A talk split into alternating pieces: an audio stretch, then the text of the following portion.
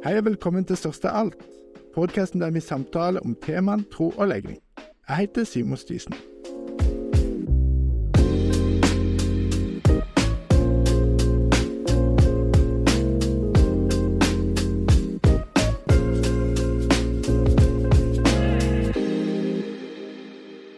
Hei og velkommen til denne Q&A-episoden med Simon og Johanne. Yes. Vi har samlet oss her i julestria for å snakke litt om de spørsmålene som vi har fått inn. Ja, det har vi. Så nå, Simon, nå sitter vi faktisk i eh, menighetslokalet til den kirka vi var med og starta sammen. Eh, så hvordan er det å være tilbake? Det er veldig fint. Det er noen som spør meg hvordan er det på en måte å treffe folk fra kirka du gikk i, eller sånne ting. Det er ikke 99% bra, det er 100 bra. Jeg syns det bare er så godt å være her, og jeg kjenner at jeg, jeg blir skikkelig rørt. Og det er ikke fordi det er alt som på en måte bare nødvendigvis er lett med det, men de sterke og positive følelsene er overveldende mye sterkere. Ja, jeg merka nå når vi satt der, bare den der humoren og morsomme påfunnene vi kom på, det kom jo tilbake med en gang, så Ja, det er bra Ja. at dette ikke er videosending, for å si det sånn. Det skal vi være glad for. Ja. Da dykker vi inn i spørsmålet. Nei, Men hvordan er du Altså, denne eh, podkasten ble jo slippa for noen eh, måneder siden. Den første episoden den var med meg og det. Eh, Og jeg har snakka mye om hvordan det har vært for meg, dette her, men hvordan har det vært for det?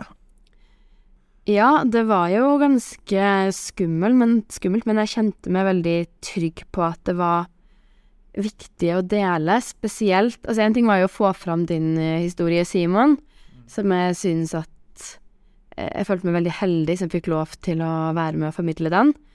Eh, men så er det jo Så ser jeg at mange kjenner seg igjen i det der påvirkning det har for folk rundt at noen ikke eh, kommer ut. Eh, og den delen av historien eh, syns jeg det var viktig å få fortalt. Og jeg har fått veldig mye tilbakemeldinger på at den har truffet folk. Mm.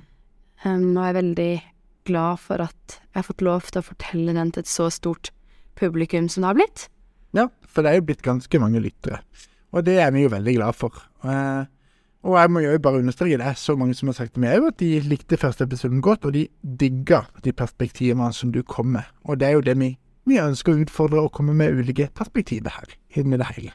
Jeg tenker kan jo bare starte litt med det derre Hvorfor slutta du som pastor, og hvorfor tok du ikke opp kampen for å beholde pastorstillinga?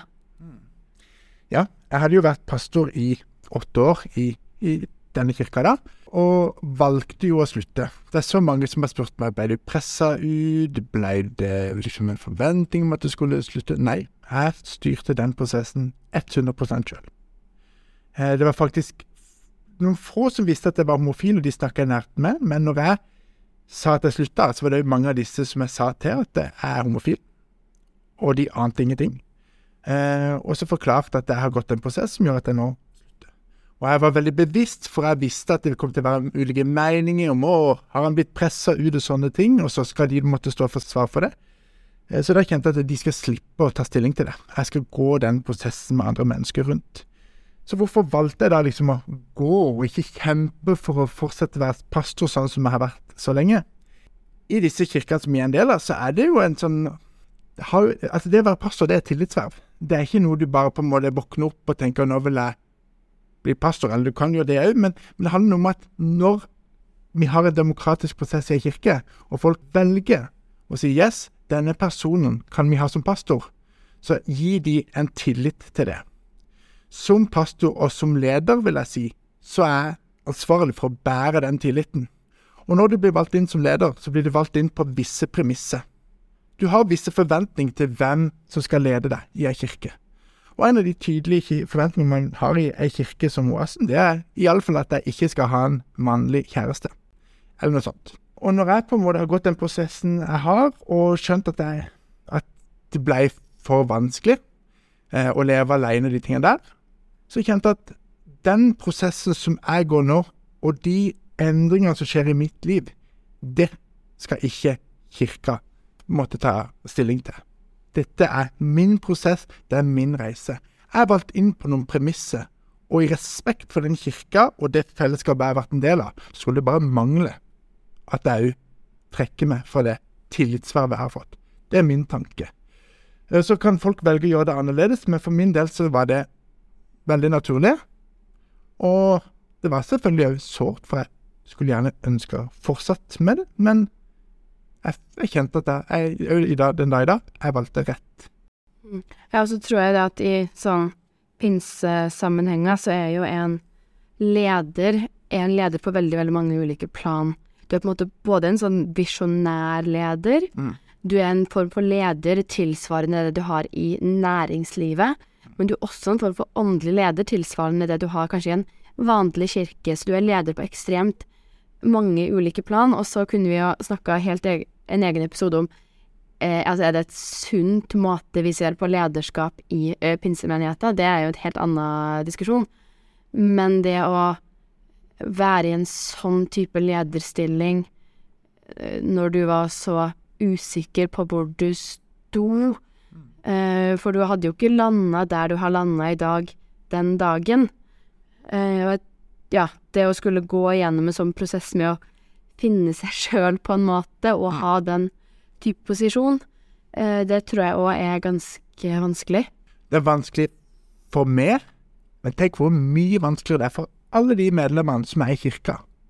Selvfølgelig skal ikke de bli tvinga ut på glattisen for at jeg har lyst til å føle et kall og de tingene der. Da setter jeg jo faktisk meg sjøl, min kallsforståelse, min lengsel, foran alle de andre i kirka. Og det er, det er ikke å være en god leder, tenker jeg. Mm. Men du har jo eh, folk med litt forskjellige synspunkter. Eh, så hvordan syns du det er å snakke med noen som du er uenig med?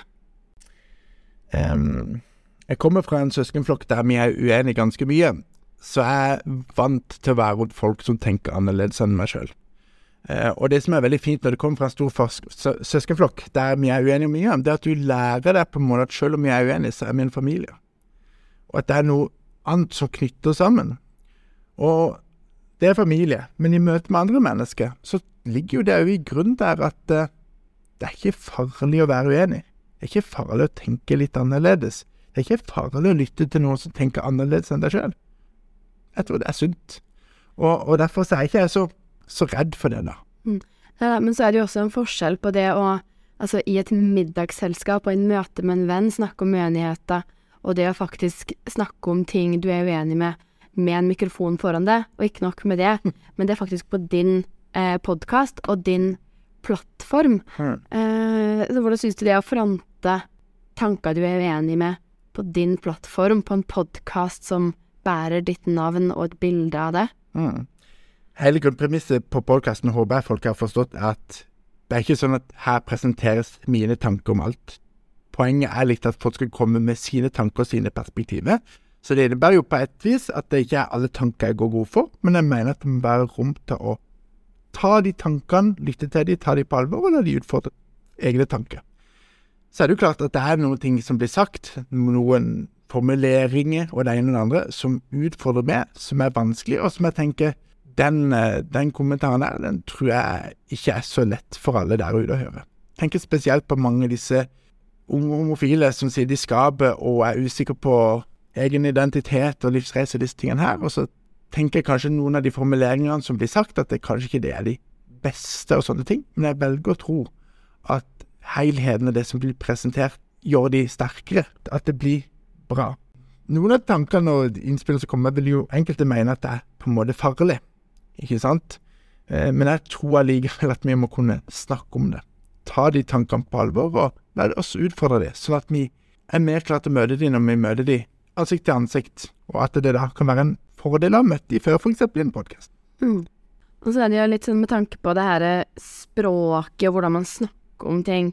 Eh, For det er noen her som har eh, reagert litt på hvordan du bruker formuleringa 'homofile følelser'. Ja. Så kan du tenke litt høyt om hvorfor du velger å bruke den formuleringa 'homofile følelser'. Fordi at ofte så brukes jo det når Altså man skal kanskje konservative skal uttale seg om likekjønnens eh, tiltrekning og skeive seksuelle orienteringer i en mer sånn negativ kontekst.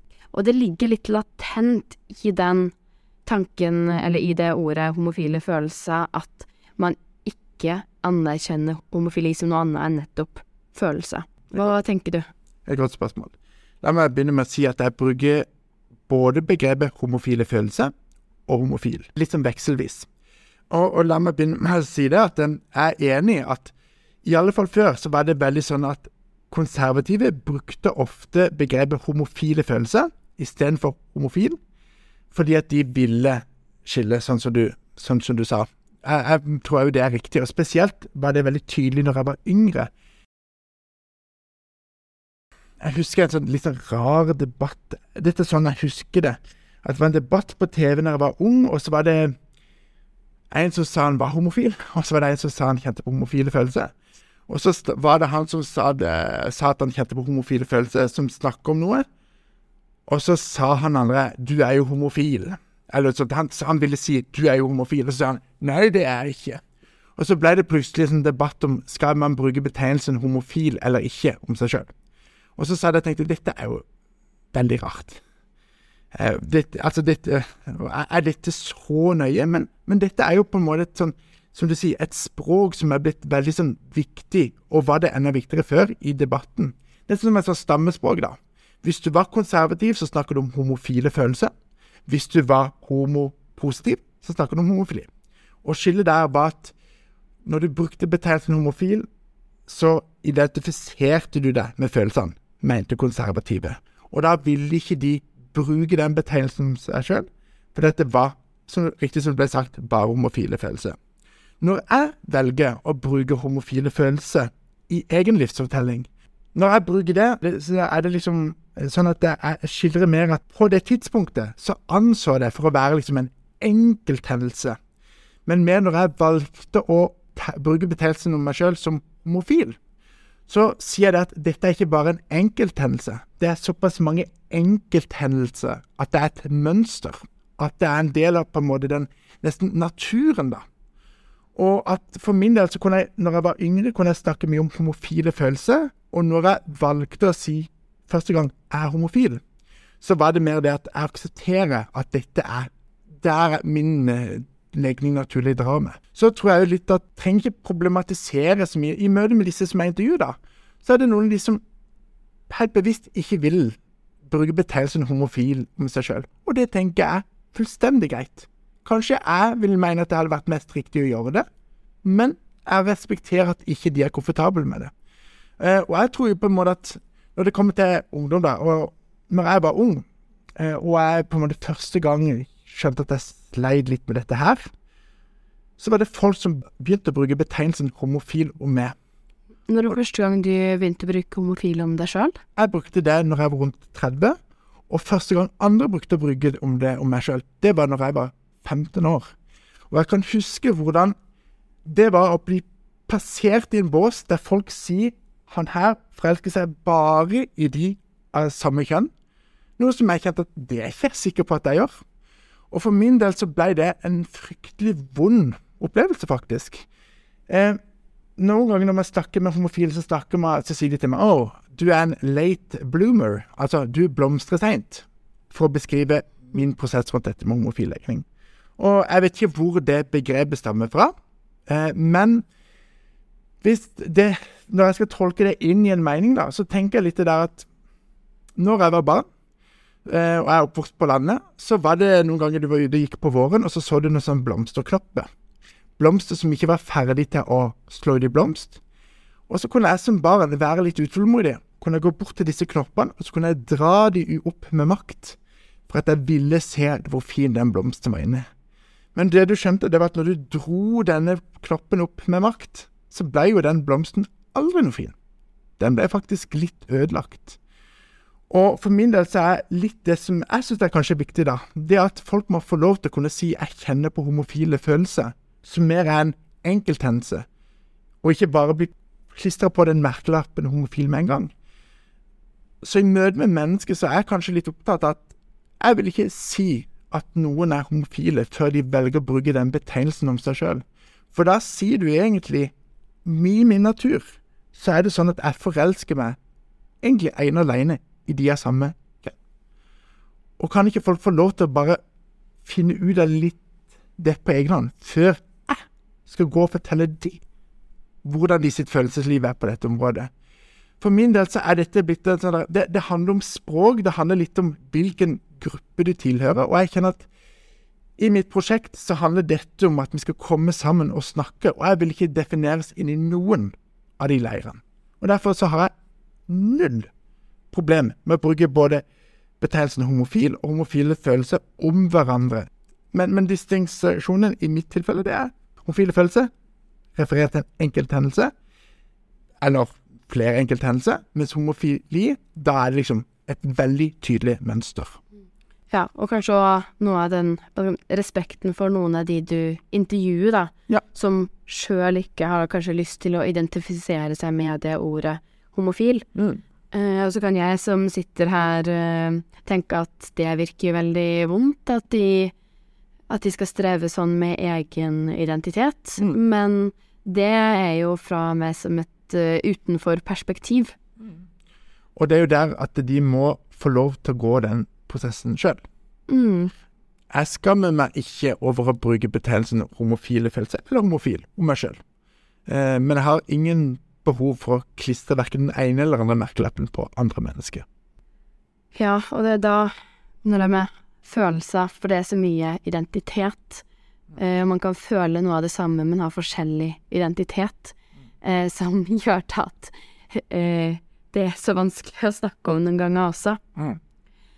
Um, og så mø møter du sikkert noen kristne som har mye sympati med deg og din historie, at du har hatt det vondt, men som er uenig i konklusjonen du har dratt. Eh, som kanskje er uenig i hvor du har landa, men som synes at den derre skammen du har kjent på, og kanskje berøringsangsten rundt homofili, ikke er bra. Så hva tenker du om den her tanken som man kanskje møter noen i kristne sammenhenger som har, om at selvfølgelig skal homofile få lov til å være åpne om følelsene sine i kirka, de skal bare ikke leve det ut. Hvis vi begynner med første delen. Ja, det at vi skal være åpne og ærlige om de følelsene som vi bærer på innsida, at det skal være rom for det, det burde ikke være noe problem. Det mener jeg det burde være rom for, og det tror jeg ikke er egentlig så veldig kontroversielt. Nei, det tror jeg ikke er kontroversielt. Nei. Jeg tror nok det er noen som synes at det kan være vanskelig å snakke om, Yes. Uh, og som selv mener ja, vi skal la folk få være åpne, så er det kanskje at hvis noen kommer til deg og sier at jeg er homofil, uh, så vil de synes den samtalen er vanskelig. Mm. Men at man skal være åpen, det tror heller ikke jeg er så veldig kontroversielt. Det kontroversielle er jo når du velger å leve det ut. Og dette er et skille som på en måte er blitt sånn veldig Det har blitt tydeligere i de siste årene at man løfter fram dette skillet enn det var for noen år siden. Eh, skillet mellom det at du har et følelsesliv som drar deg i en retning, og det å velge å leve det ut. Går det an å gjøre det skillet, da? Eh, for å stille et spørsmål tilbake som lytteren kan tenke seg gjennom, da. Hvis du er heterofil der ute, hvis du er en mann som er heterofil, du er forelska i forelsket deg jente, så må du spørre deg sjøl hvordan hadde det vært hvis jeg ikke Jeg kunne få lov til å på en måte kjenne en dragning mot jenter, men jeg skulle ikke leve det ut i det hele tatt resten av mitt liv. Hver eneste gang jeg ser noen og forelsker meg, så skal jeg undertrykke det. Hver gang jeg har lyst til å nærme meg, så skal jeg holde meg på avstand. Ikke bare i ett år, ikke i to år, resten av ditt liv. Fra du er 16-17 år til du går i grava når du er 70, 80, 90 eller 100 eller hva det skulle være. Alle de årene der. Tror du det er mulig å holde det inne og ikke leve ut alle de årene? I møte med de samtalene jeg har med mennesker, så ser vi noen som klarer det, eller påstår å klare det. Veldig mange mennesker klarer det ikke. Og jeg skal ikke gjøre meg til dommer over enkeltliv og sånne ting, men ikke kom og fortell meg at det er lett å gi opp det offeret. Så å gjøre det skillet der, er det bærekraftig? Er det bærekraftig å si til alle de som forelsker seg i homofi, eh, altså i samme kjønn, da, at resten av liv, ditt liv skal du velge å ikke leve det ut? er vanskelig for å se at det skal være bærekraftig. Men at det funker for enkeltmennesket eh, og det ene og det andre, det kan godt være. Men jeg tror òg det er mange av de som har stått tidligere og sagt at det, å, det har de gjort og sånne ting. Jeg tror det er mye skjelett i skapet. Men ja, jeg synes jo på en måte det her spørsmålet, det, det viser så tydelig den der dobbeltkommunikasjonen man setter, og den dobbeltstandarden man setter for eh, homofile versus heterofile. Mm. For at hadde jeg kommet til noen og sagt at jeg tror jeg har et kall til å leve aleine, så hadde noen sagt ja, så bra, eh, Paulus sier jo det at det å leve alene er en gave. Så fint at du velger å gjøre det. Og det er jo det Det snakker Bibelen om også. Ja. Um, men hvis jeg hadde sagt at du er forelska i en kar, og han er helt fantastisk, og eh, vi har lyst til å være sammen, så hadde noen sagt at bra, det er en, altså, det er en gave å finne seg en partner. Pauli sier også at det er bedre å gifte seg enn å brenne og begjære. Eh, det er kommunikasjonen man sier til heterofile. Singel, det er en gave, men du kommer til å vite om du har den gaven eller ikke. Mm. Hvis ikke du opplever den gaven, så har du nok ikke den gaven. Eh, og så plutselig til homofile som Hvis de forelsker seg i noen, så er det plutselig veldig bra for de å være aleine, selv om Altså, folk hadde sagt det helt motsatte til meg og Simon i en del sånne samlivsspørsmål om hva som hadde vært bra for oss. Veldig sant. Men litt på det samme, fordi du har jo snakka litt om ensomhet. Mm. Og spesielt en ensomhet som inntraff etter at du flytta ut fra guttekollektivet Mm. inn i en egen leilighet, og at det var da det blei ganske mørkt. Mm. Vurderte du noen ganger andre eh, samlivsformer, for eksempel å bo med kompiser eller bo nærme familie eller noe sånt? Ja, Det gjorde jeg. og som sagt, jeg hadde det veldig fint når jeg bodde i guttekollektivet. Der man opplevde at man hadde gode kompiser som man bodde sammen, og man hadde liksom en slags familie. På dette tidspunktet så var det jo en periode der jeg håpet jeg skulle finne meg jente, det var en periode jeg trodde jeg skulle leve aleine, og Men så var det jo så fint å bare være i det guttekollektivet, for det jo, satte jo liksom ting litt på vent. Det gjorde at ting fungerte på en måte greit. Jeg kom hjem til et hus som var varmt, med folk som var som jeg var glad i, som var glad i meg, og sånne ting. Men jeg opplevde jo på en måte at jeg utvikla usunne relasjoner med mine kompiser. Det var ikke seksualisert. Mine kompiser Jeg jeg har ikke tenkt en seksuell tanke om det i det hele tatt. Og allikevel kjenne at kompiser som bare er kompiser At du blir knust når de finner seg en kjæreste, fordi at du veit at det at de har funnet seg noen, det innebærer at du blir litt mer aleine. Hver gang det kommer inn noen nye som flytter inn i guttekollektivet, ja. Det er seg òg ei dame. Hver gang det skjedde, så ble jeg oppriktig glad på de sine vegne fordi at de hadde funnet kjærlighet i livet, liksom. Men samtidig så kjente jeg på en sorg, for at jeg visste at det tar meg ett steg mer inn i ensomheten.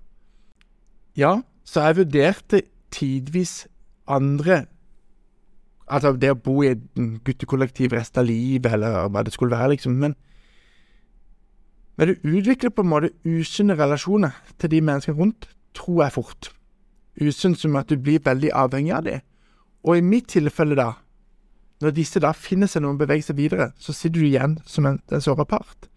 Så jeg tenker litt at hvis man er en gruppe homofile eller single som velger å bo sammen, så tror jeg det fungerer veldig fint i lange perioder.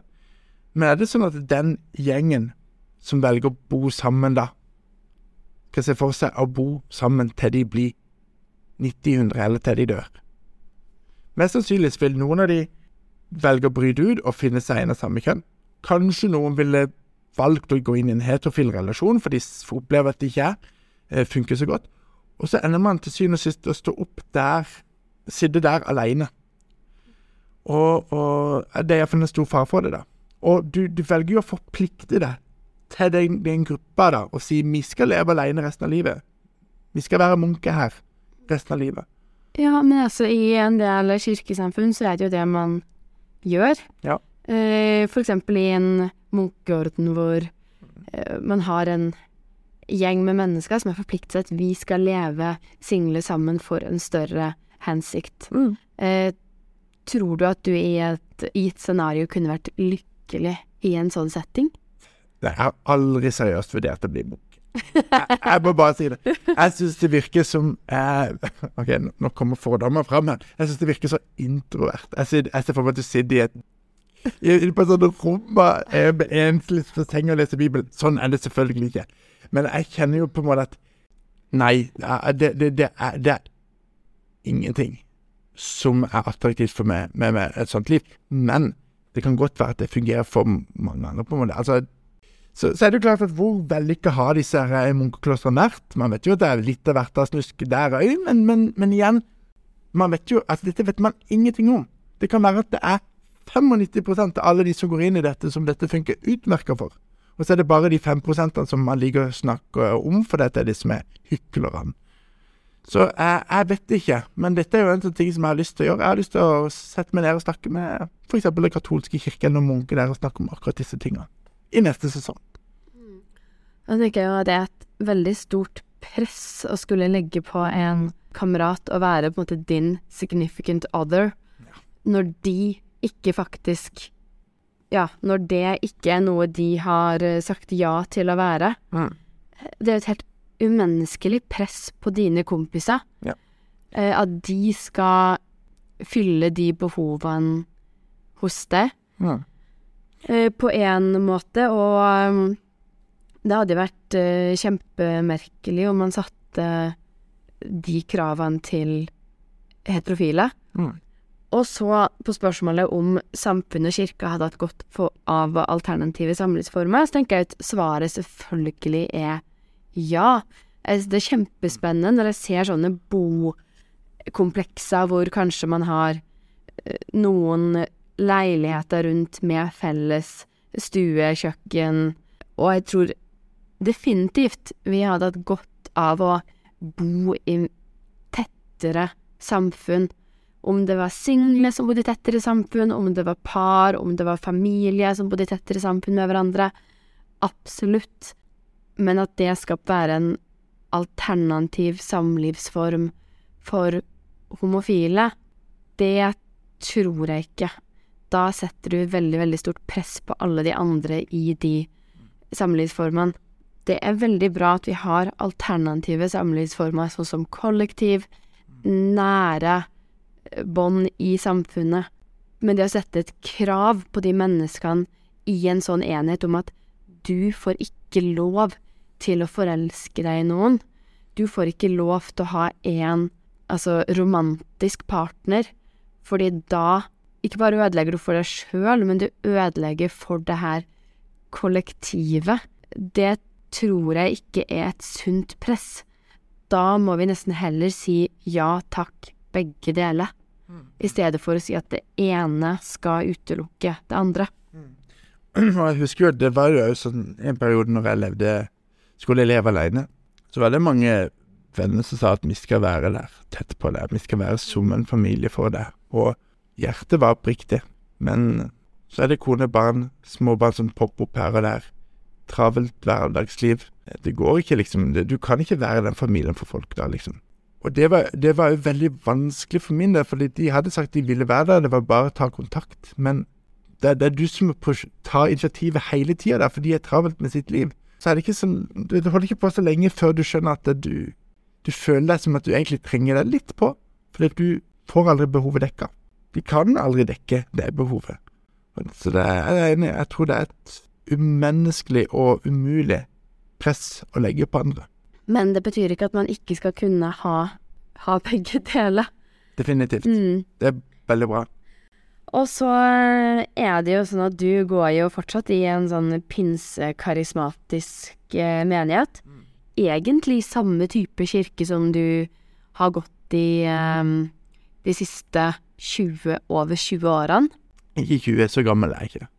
Eh, 15. Ja. ja, OK. Ja, du har gått i samme type menighet de siste 15 årene. Ja. Hvor eh, lenge vil du være villig til å vente på de med konservativt syn? Et grunnpremiss i alt det jeg står for, det er at folk må få lov til å leve i tråd med sin religiøse overbevisning. Folk må få lov til å fastholde en konservativ teologi. Selv om mange kirker kommer til å endre standpunkt på disse tingene her, så vil det være noen kirker som ikke vil akseptere homofilt samliv, eller vie homofile, f.eks.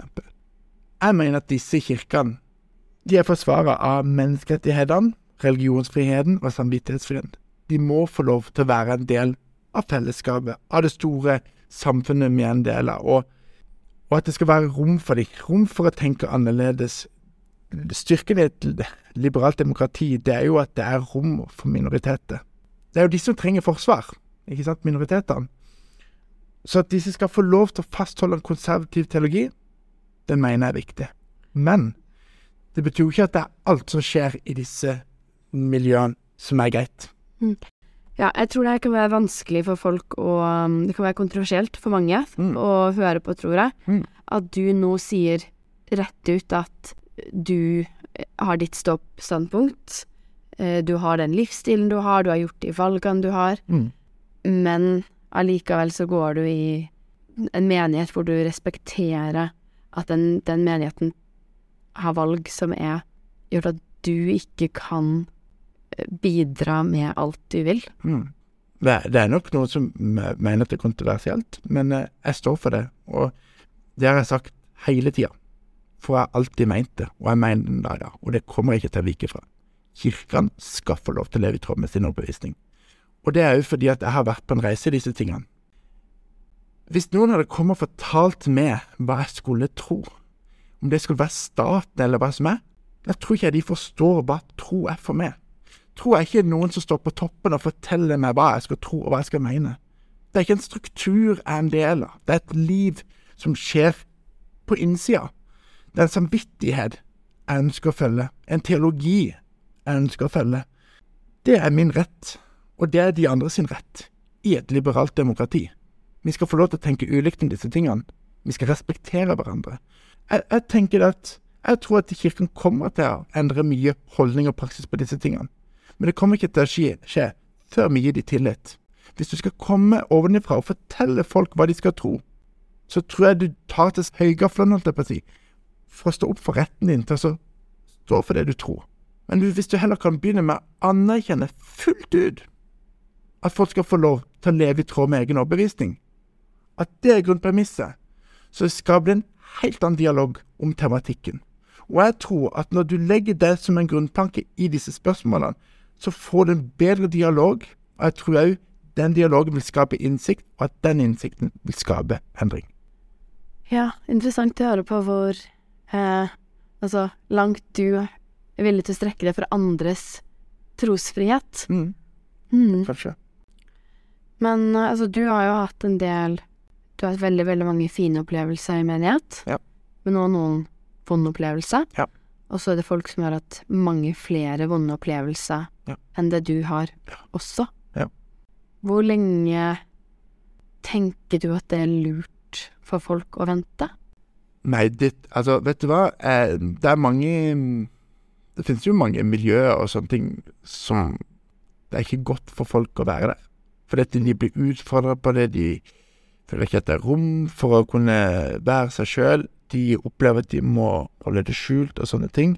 Jeg kan jo ikke gå inn og fortelle dem hvor lenge de skal vente. Det, det blir jo individuelt. Men jeg syns man skal ta vare på seg sjøl. Ja. Og det, det innebærer jo i mange tilfeller å gå fra den kirka man er en del av. Hvis ikke den kirka klarer å verdsette det for den du er, eller behandle deg dårlig, eller ikke Hvis du ikke har det godt med å være der, så burde du heller finne noen som klarer å sikre at du har det. Mm. Jeg tenker det er godt sagt. Jeg tenker som en troende sjøl, så håper jeg virkelig at alle mennesker klarer å finne en menighet hvor det er godt for de å være, og hvor de kan møte Gud. Og jeg syns jo det er bra at du har fått lov til å gjøre det på den vandringa du har vært på. Yes, det var egentlig de spørsmålene eh, vi hadde fått inn i denne omgangen. Så blir det jo spennende å se hva neste sesong eh, bringer, og hvilke spørsmål som kommer da. Ja, det gleder jeg meg til Finner finne ut av. Ja, men eh, inntil da så får vi jo bare si takk for oss. Yes. Så gleder jeg meg til flere samtaler i eh, 2023. Oh yes, det blir veldig bra. Og jeg kan love dere at jeg har eh, Ja, det er bare å vente og følge med. Det kommer mye interessant framover.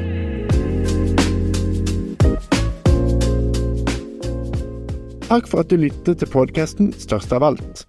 Har du innspill, tilbakemelding eller en historie som kan være verdt å fortelle, kan du ta kontakt via vår Facebook-side Størst av alt. Vi håper du liker podkasten, vil abonnere på den og anbefale den til andre. Lykke til med samtalene.